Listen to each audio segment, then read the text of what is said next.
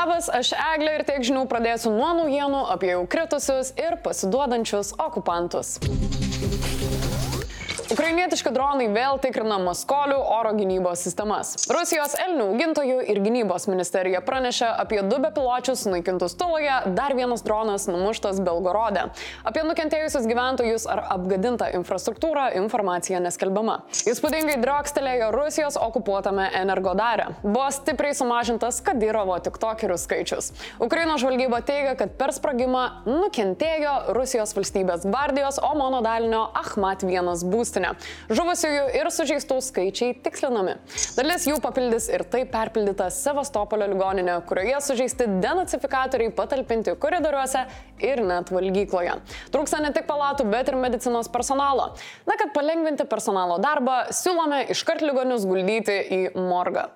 Norinčių dviesti kariaujant Ukrainoje randasi vis mažiau. Žvalgyba teigia net beveik tris kartus didesnis darbo užmokestis už vidutinį ir papildomas lengvatos driskiams yra didžiulė paskata paskata žudyti ukrainiečius. Nepaisant to, Rusija vargu ar surinks reikiamą savanorių skaičių. Skaičius kariaujančių kiaulės nukių fronte taip pat nuolat mažėja. Ukraina skelbia, kad nuo karo pradžios Rusija jau neteko daugiau kaip 261 tūkstančio karių. Ir tas gražus skaičius neišvengiamai didės. Ukrainos kariuomenės atstovė pranešė, kad jos pajėgoms pralaužus jų gynybos liniją Zaporižės rydyje, ruskiai deda į kojas. Pasak atstovės, Ukrainos pajėgų veržimasis yra matomas geografiškai įrodo, kad prie priešo kariuomenė traukėsi. Netokia šauni naujiena atkeliavo iš Baltarusijos. Opozicijos aktyvistas Pavelas Latuška pranešė, kad Baltarusijos vidaus reikalų ministerija jau mėnesį išduoda naujus pasus Wagner kovotojams. Todėl jie gali paprastai patekti į ES teritoriją per sienos perėjas, rengti diversijas ir teroro aktus. Gerai, kad bent sieną kiek privėrėme. Gamtos stichijos tikrino kitos sienos su Baltarusija saugumą. Žaibo smūgis susprogdino kelias prieštankinės minas TM62M buvusias ant geležinkelio tilto esančio už 800 metrų nuo Slovečno stoties. Sprogimas apgadino tilto atramas ir sugriovė geležinkelio bėgius į abi puses. Niekas nenukentėjo. Perkūnas matyt į kokius Wagnerius taikė, bet prašovė panašiai kaip popiežius. Pasitaiko. Prezidentūroje karšta, nuobodu, negalima atsivesti grikio, negalima muzikos garsiai klausytis ir vaikščioti išsirengus iki pusės. Todėl mūsų prezidentas Gitanas Nausėda šiandien su komanda pasidarė workationą iš Varienos. Negaliu garantuoti, kad jis dirbo iš Varienos dėl mano minėtų priežasčių, bet čia išmaščiau logiškai, nesgi mūsų vadovas labai aukštas, aukštai daugiau karščio. Jo ekscelencija Varienos rinktinėje Barausko užkardoje susitiko su pasieniečių vadovybė bei pareigūnais. Prezidentas susipažino, kaip stebimas sienos su Baltarusija ruožas, įvertino sienos apsaugos organizavimą. Deja, Varienoje palsėti neišėjo, nes, kaip sakė Nausėda, padėtis tebėra įtempta, nes kaimininė valstybė išlieka nenuspėjama ir agresyvi. Nors nelegalių sienos kirtimų skaičius yra gerokai sumažėjęs, tarnybos turėtų būti žemame starte reaguoti. Prezidentas aptarė ir kalinių bei prievartautojų grupuotės Wagner situaciją. Šiuo metu, pabrėžiu, šiuo metu Wagner uh, kovotojų įsitraukimo į nelegalią migraciją schemų arba atvejų nėra. Tačiau jis rado progą papriekaištauti Seimui, kuris nepriemė jo pasiūlymo suvienodinti apribojimų rusams ir baltarusiams. Pastaruoju metu dėja iš kai kurių Baltarusijos opozicijos veikėjų susilaukėme informacijos, e, skelbiama, kad Wagner kovotojams yra išduodami baltarusiški pasai jau maž, mažiausiai mėnesį. Ir tai tik tai verčia prisiminti mano vetuotą įstatymą, kuomet mes sakėme, kad tokio pobūdžio grėsmė gali iškilti. Šalies lyderis tikisi, kad Seimas prie šio klausimo sugrįž. Bet kuriuo atveju labai didelės baimės nėra, nes kai nebėra Wagnerio galvos prigožino, nebėra kas moka samdiniams pinigus. Nu, ką tie Wagner kovotojai dabar likę dar ir be galvos, galėtų veikti Baltarusijos teritorijoje, kadangi susidurėme su labai paprastu finansiniu aspektu, kas už juos ten mokės pinigus. Taigi, jeigu tie finansavimo šaltiniai nebus surasti, Wagner kovotojai neišvengiamai turės e, kelti sparnus, kadangi tai yra vyrukai, kurie dirba už pinigus. Jie dirba ne už idėją. O jei įtampa pasiektų apogėjų, Lietuva pasirengusi greitai reaguoti.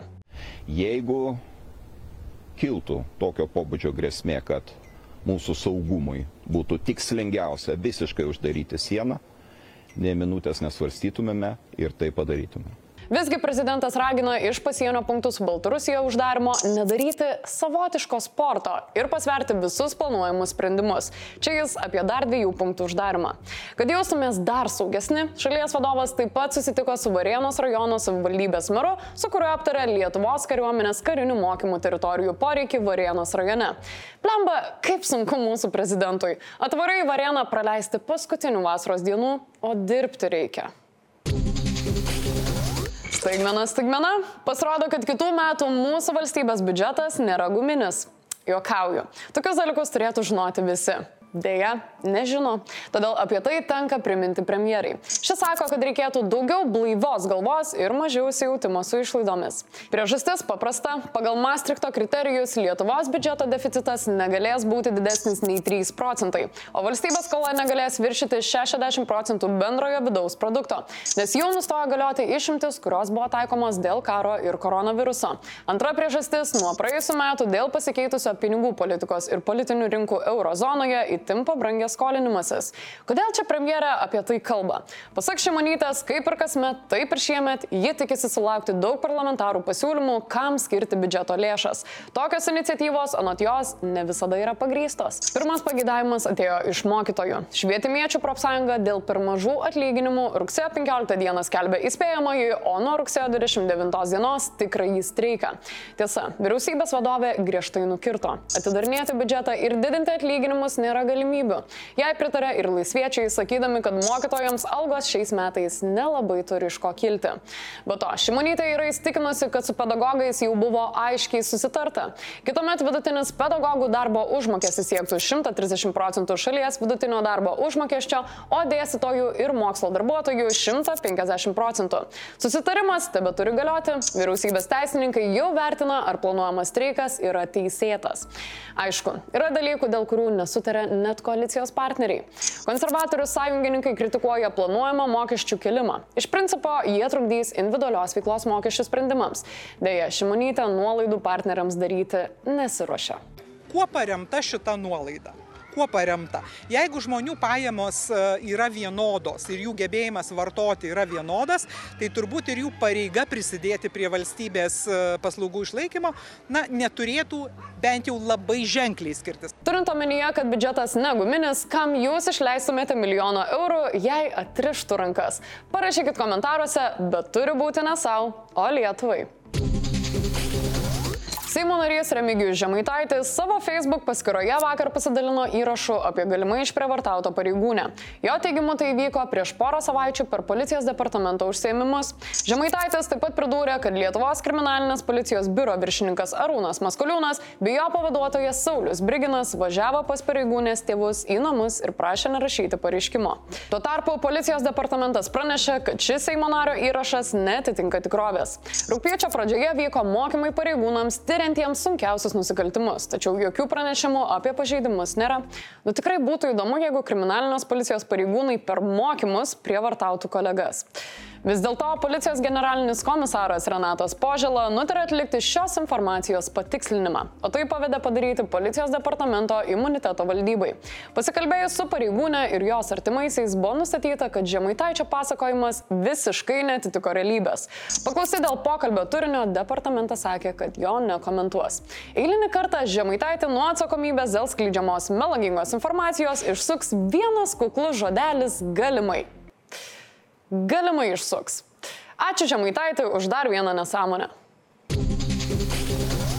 Blitz naujienos. Dėl pagrobto ir į Rusiją valtimi išplukdyto kūdikio buvimo vietos sužinojimo ir jo aplankimo Lietuvos generalinis konsulatas Kaliningrade oficialią notą kreipėsi į Rusijos federacijos užsienio reikalų ministerijos atstovybę. Vis dėlto kol kas iš Rusijos pusės jokių žinių.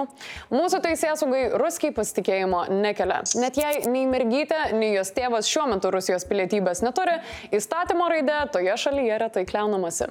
Galiausiai buvo pranešta, kad kūdikio pagrobimų įtariamas vyras jau paleistas į laisvę ir savo namuose ramiausiai prižiūri pagrobtą dukrą. Popiežius Pranciškus kreipėsi į Rusijos katalikišką jaunimą ir taip pakalbėjo, kad katučių plojo visą Rusiją. Užtat likusi taikaus pasaulio dalis nustėro po pontifiko paraginimo sėti tai, kas sekant Petro didžiojo ir Jekaterinos didžiosios keliu. Ir dar netiek pasakė. Šios personažus jis pavadino apsišvietusios, didžios kultūros ir didelio žmoniškumo imperijos valdovais. Wow, jeigu ką, Pranciškau, primenu, kad būtent Petras ir įkvėpė Putiną okupuoti Ukrainą. Žodžiu, Vatikano atstovai dabar bando išvartyti popiežių ir sako, kad jis ne tą turėjo omeny. LOL. Buvusiam Vilniaus miesto vyriausiajam architektui Midugui Pakalniui apleidus savo pareigas kilo didžiulis šaršalas. Niekas nenorėjo atskleisti jo išeitinės išmokos dydžio, bet žurnalistai nepasidavė, juk Pakalnis viešas asmo ir išeitinę jie moka ne kas kitas, o sąžiningi mokesčių mokėtojai. Susikooperavę su politikais, žurnalistai prispaudė savivaldybę ir šį antradienį labai nenorom, bet pateikė atsakymą.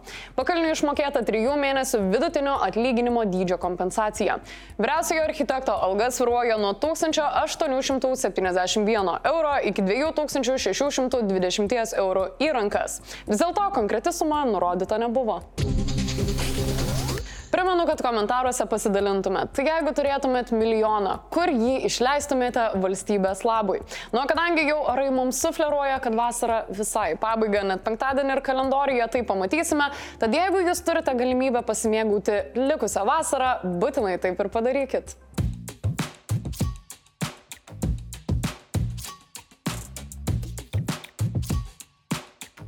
Komentarų metas. Vytas Nakutis primena mums, kad Kaunas yra kultūros sostinė, todėl muštynių laisvės alėjoje negalima laikyti nusikaltimu ir grįžimu į 90-uosius. Tai gal čia modernaus šokio su kastetais performances? Orange Virus klausia, kodėl nei žodžio apie Cell koncertą. Mielas apelsininį virusą. Mes tiesiog pagalvojame, kad dėl vieno žodžio neverta net blitz daryti. Be to, vengiame rusiškų žodžių savo laidose. Nuo šiandien tiek žinių, gražaus jums vakaro ir iki pasimatymo. prossima, Tomó. Tchau! Tchau! Tchau! Tchau!